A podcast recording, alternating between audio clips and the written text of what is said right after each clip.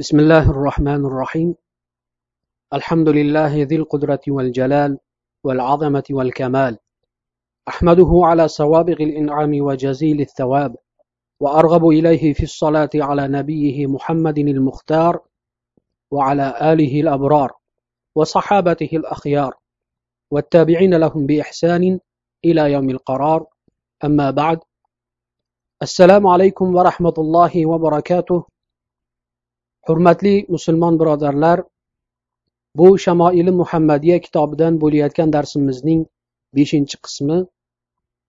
Bu darsimizda sakkizinchi bobdagi rasululloh sollallohu alayhi vasallamning liboslari haqida kelgan hadislar bilan tanishib u zot qanday kiyinganliklarini maroq bilan o'rganar ekanmiz.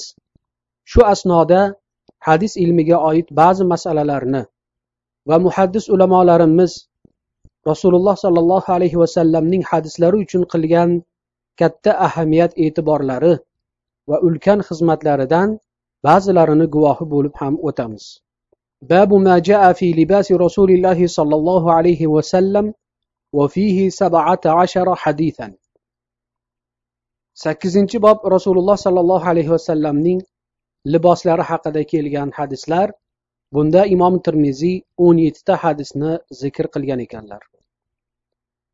ellik to'rtinchi hadis قال حدثنا محمد بن حميد الرازي قال حدثنا الفضل بن موسى وأبو تميلة أو أبو تميلة وزيد بن حباب عن عبد المؤمن بن خالد عن عبد الله بن بريدة عن أم سلمة قالت كان أحب الثياب إلى رسول الله صلى الله عليه وسلم القميص bu hadis ummu salama roziyallohu anhodan rivoyat qilinadi bu ayol payg'ambar sollallohu alayhi vasallamning juft halollaridan bo'lib mo'minlar uchun onadirlar chunki alloh taolo qur'oni karimda uning ayollari ya'ni payg'ambar sollallohu alayhi vasallamning ayollari esa ularning onalaridir deb marhamat qilgan u onamiz aytadilarki rasululloh sollallohu alayhi vasallamga liboslarning eng yoqimligi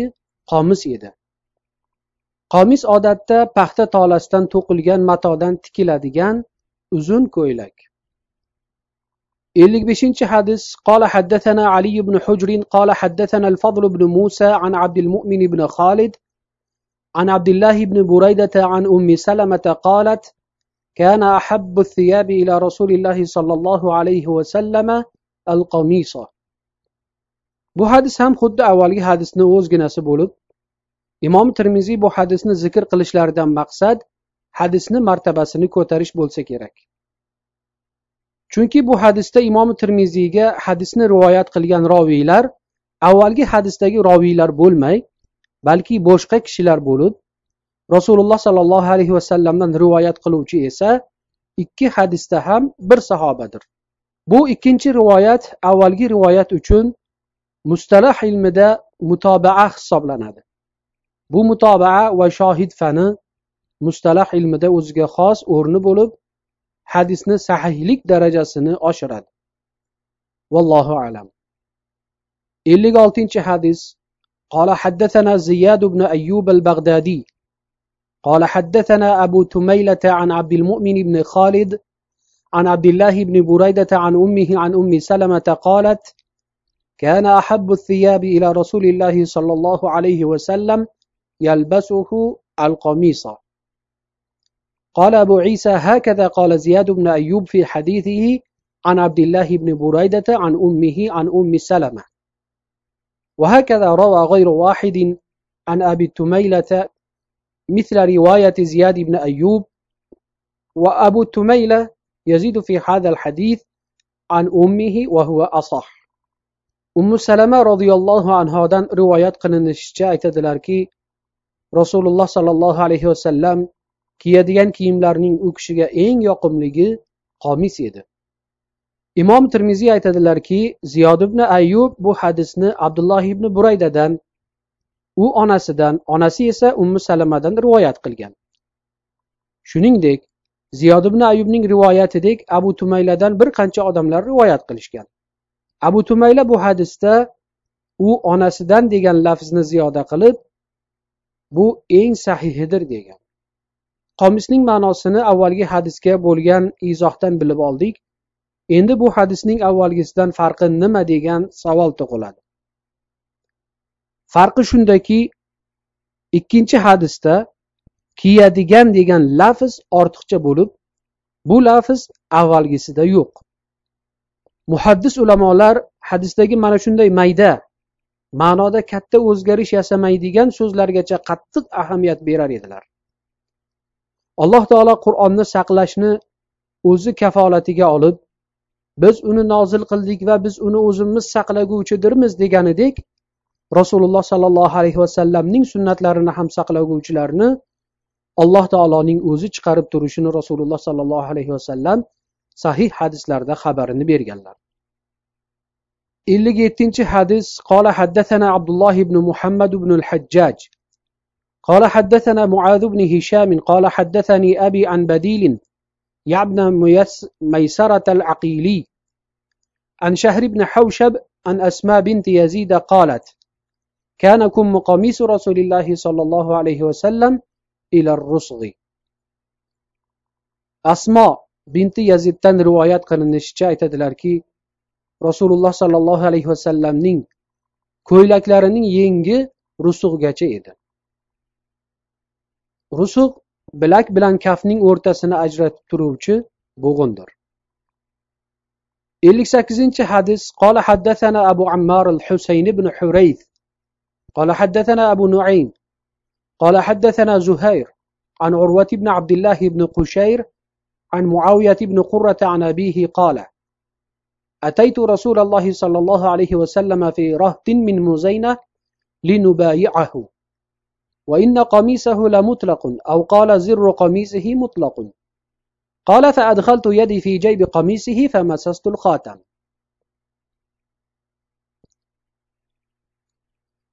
muoviyat ibn qurra otalaridan rivoyat qilishlaricha otalari aytadilarki rasululloh sollallohu alayhi vasallamning huzurlariga muzayna qabilasining bir guruh kishilari bilan bay'at qilish uchun bordim Rasululloh sollallohu alayhi vasallamning ko'ylaklari tugmalanmagan ekan.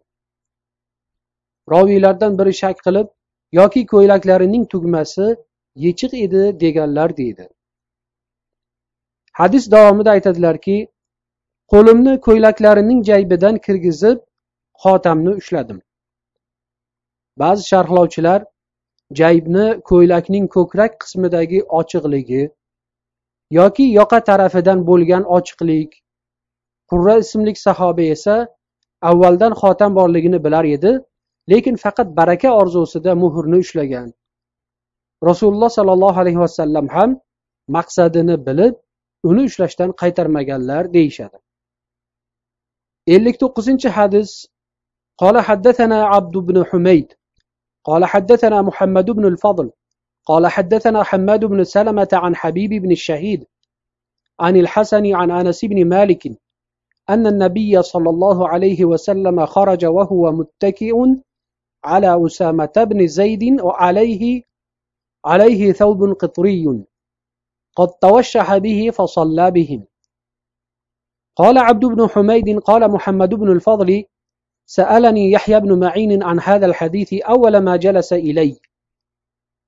فقلت حدثنا حماد بن سلمة فقال فقال لو كان من كتابك فقمت لأخرج كتابي فقبض على ثوبي. ثم قال أمن له علي فإني أخاف أن لا ألقاك. قال فأمليت عليه ثم أخرجت كتابي فقرأت عليه. anas ibn molikdan rivoyat qilinishicha u kishi aytadilarki payg'ambar sollallohu alayhi vasallam usomat ibn zayd bilan qo'ltiqlashib chiqdilar. Ya'ni kasal bo'lganlarida uylaridan masjidga usomat ibn zayd bilan qo'ltiqlashib chiqqan edilar. Hadisning davomida aytadilarki egnilarida qitriy libos bor edi. Uni yelkalariga tashlab olgan edilar. So'ng jamoatga imom bo'lib namoz o'qib berdilar. Ba'zi ulamolar qitriyning ma'nosi paxta matosidan to'qib tikilgan yamandan keltirilgan qizil belgili va chiziq yo'llari bor libos yoki qatar diyoriga mansub oliy navlik kiyim deydilar. Mana bu yerda imom termiziy yana inson zotini hayratda qoldiradigan rasululloh sollallohu alayhi vasallamning hadislariga bo'lgan iymoniy muhabbatdan bir shingil keltirib go'yo islom ulamolarining oliyjanob shaxsiyotlariga urg'u berayotgandek bo'ladilar. Termiziy shunday deb qissani boshlaydilar. Abd ibn humayd aytadilarki muhammad ibn al fozil aytgan edi. Yahyo ibn main ilk bor mendan hadis eshitish uchun huzurimga kelganda mana shu hadis haqida mendan so'radi. Men bu hadisni bizga hammod ibn salama so'zlab bergan desam u qani endi bu imloni yozib olgan daftaringizdan o'qib berganingizda edi dedi. Uning daftardan eshitishga bo'lgan shavqi hadisda xatoga yo'l qo'ymaslikka olib boradi va o'zi ham hadisni boshqalarga rivoyat qilishida e'tiborlikdir. Odatda muhaddislar hadislarni yodlab olib yozgan daftarlariga qaramasdan rivoyat qilishar edi. Lekin ba'zi muhaddislar yodda bilishsa ham ehtiyotkorlik maqsadida yozgan daftarlaridan o'qib berar edilar. Hadisni davomiga qaytamiz. Roviy muhammad ibn al fadl aytadilarki shunda men daftarimni olib chiqish uchun o'rnimdan turgan edim. U etagimdan ushlab menga aytib bera qoling qayta ko'rishmay qolarmikanman deb qo'rqyapman dedi. Men hadisni aytib berdimda darhol daftarimni uydan olib chiqib yana qaytadan o'qib berdim. Bu muhaddisning hadisga bo'lgan ishtiyoqiga qarang. Xuddi hadisni eshitishdan avval ajali kelib o'lib qolib armonda ketadigandek qo'rqib hadisni ayta bera qoling dedi. Ustoz ham shogirdni qadrini bilib iltijosini bajo keltirdi. Bu insonlar iymon lazzatini tatigan islom qadrini bilgan alloh taolo tavfiq bergan baxtli mo'minlardir mana bunday shaxslar islom tarixida minglab minglab o'tganlar.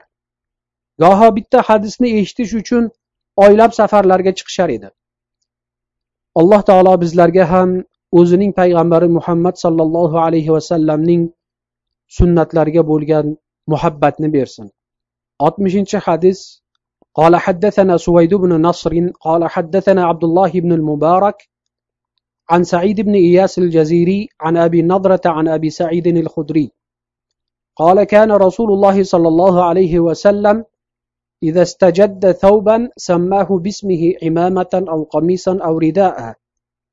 ثم يقول اللهم لك الحمد كما كسوتنيه. أسألك خيره وخير ما صنع له وأعوذ بك من شره وشر ما صنع له. أبو سعيد الخدري دان روايات قلنا ده أيت دلاركي أجر رسول الله صلى الله عليه وسلم يعني كيم كي أديان بول سلار سلم كويلك yoki to'nmi? Uni ismini zikr qilib so'ng ey parvardigoro senga hamdlar bo'lsinki sen uni menga kiydirding. Uning yaxshiligini va nimaga qilingan bo'lsa uning yaxshiligini so'rayman. Va uning yomonligidan va nimaga qilingan bo'lsa uning yomonligidan sendan panoh so'rayman der edilar. Ba'zi ulamolar uning yaxshiligi degani uning uzoq vaqt qolishligi uzoq muddat kiyilishligi unga qilingan narsaning yaxshiligi esa allohning roziligi allohning roziligi uchun ishlatmoq yoki kiymoqlikdir. Yomonlik esa shularning ziddidir deb marhamat qiladilar. Albatta musulmon kishi bir yangi kiyim kiysa uni unga inom qilgan zotga shukur qilishni unutmasligi darkor. Bundan keyingi hadis ham oltmish birinchi hadis shu hadisning o'zginasi bo'lganligi uchun oltmish ikkinchi hadisga o'tamiz قال حدثنا محمد بن بشار قال أنبأنا معاذ بن هشام قال حدثني أبي عن قتادة عن أنس بن مالك قال كان أحب الثياب إلى رسول الله صلى الله عليه وسلم يلبسه الخبرة أنس بن مالك تن روايات qilinishicha aytadilarki rasululloh sollallohu alayhi vasallam kiyadigan libos liboslarning u kishiga eng yoqimligi al hibaradir ya'ni paxta yoki katton ya'ni zig'ir kabi o'simlikning poyasidan olinib tikilgan yaman diyorlaridan keltirilgan to'n kabi libos oltmish uchinchi hadis قال حدثنا محمود بن غيلان قال قال أنبأنا عبد الرزاق قال أنبأنا سفيان عن عون بن أبي جحيفة عن أبيه قال رأيت النبي وعليه حلة حمراء كأني أنظر إلى بريق ساقيه قال سفيان أراها حبرة avn ibn abi juhayfa otalaridan rivoyat qilishlaricha otalari aytadilarki payg'ambar sollallohu alayhi vasallamni ko'rdim ustlarida qizil to'n bor edi go'yo men hozir u zotning ikki baldirlarining baldirlarining nuriga qarayotgandek bo'lyapman oltmish to'rtinchi hadis قال حدثنا علي بن خشرم قال حدثنا عيسى بن يونس عن إسرائيل عن أبي إسحاق عن البراء بن عازب قال ما رأيت أحدا من الناس أحسن في حلة حمراء من رسول الله صلى الله عليه وسلم. إن كانت جمته لتضرب قريبا من منكبيه. براء بن عازب رضي الله عنه دن rivoyat qilinishicha aytadilar payg'ambar sollallohu alayhi vasallamdan ko'ra chiroyliroq qizil to'nda birovni ko'rmaganman u kishining sochlari yelkalariga tushar edi oltmish beshinchi hadis قال حدثنا محمد بن بشار قال حدثنا عبد الرحمن بن مهدي قال أنبأنا عبيد الله بن إياد عن أبيه عن أبي رمثة قال رأيت النبي وعليه بردان أخضران abu rimsadan u kishi aytadilar men payg'ambar sollallohu alayhi vasallamni ko'rdim ignilarida ikkita yashil to'n bor edi Ikki yashil to'ndan maqsad rido va izordir. Chunki payg'ambar sollallohu alayhi vasallam va sahobai kiromlar ham ikki qavat kiyinishlari amri mahol edi. Sahih hadislarda kelishicha payg'ambar sollallohu alayhi vasallamdan mol so'ragan bodiyalik kishi ya'ni cho'ldan kelgan kishi u zotning to'nlaridan qattiq tortganda u to'n muborak badallarida iz qoldiradi. demak u zotlar ridoni o'zini kiyishar edi. Bizlardek qavat qavat kiyinishgan emas. Shu yerda darsimizga yakun yasab bobdagi qolgan hadislarni keyingi darsimizga qoldiramiz va alloh taolodan gunohlarimizni mag'firat qilib o'zi bizlarni to'g'ri yo'ldan ozdirmasligini so'raymiz. Va axiru davana anilhamdulillahi robbil alamin.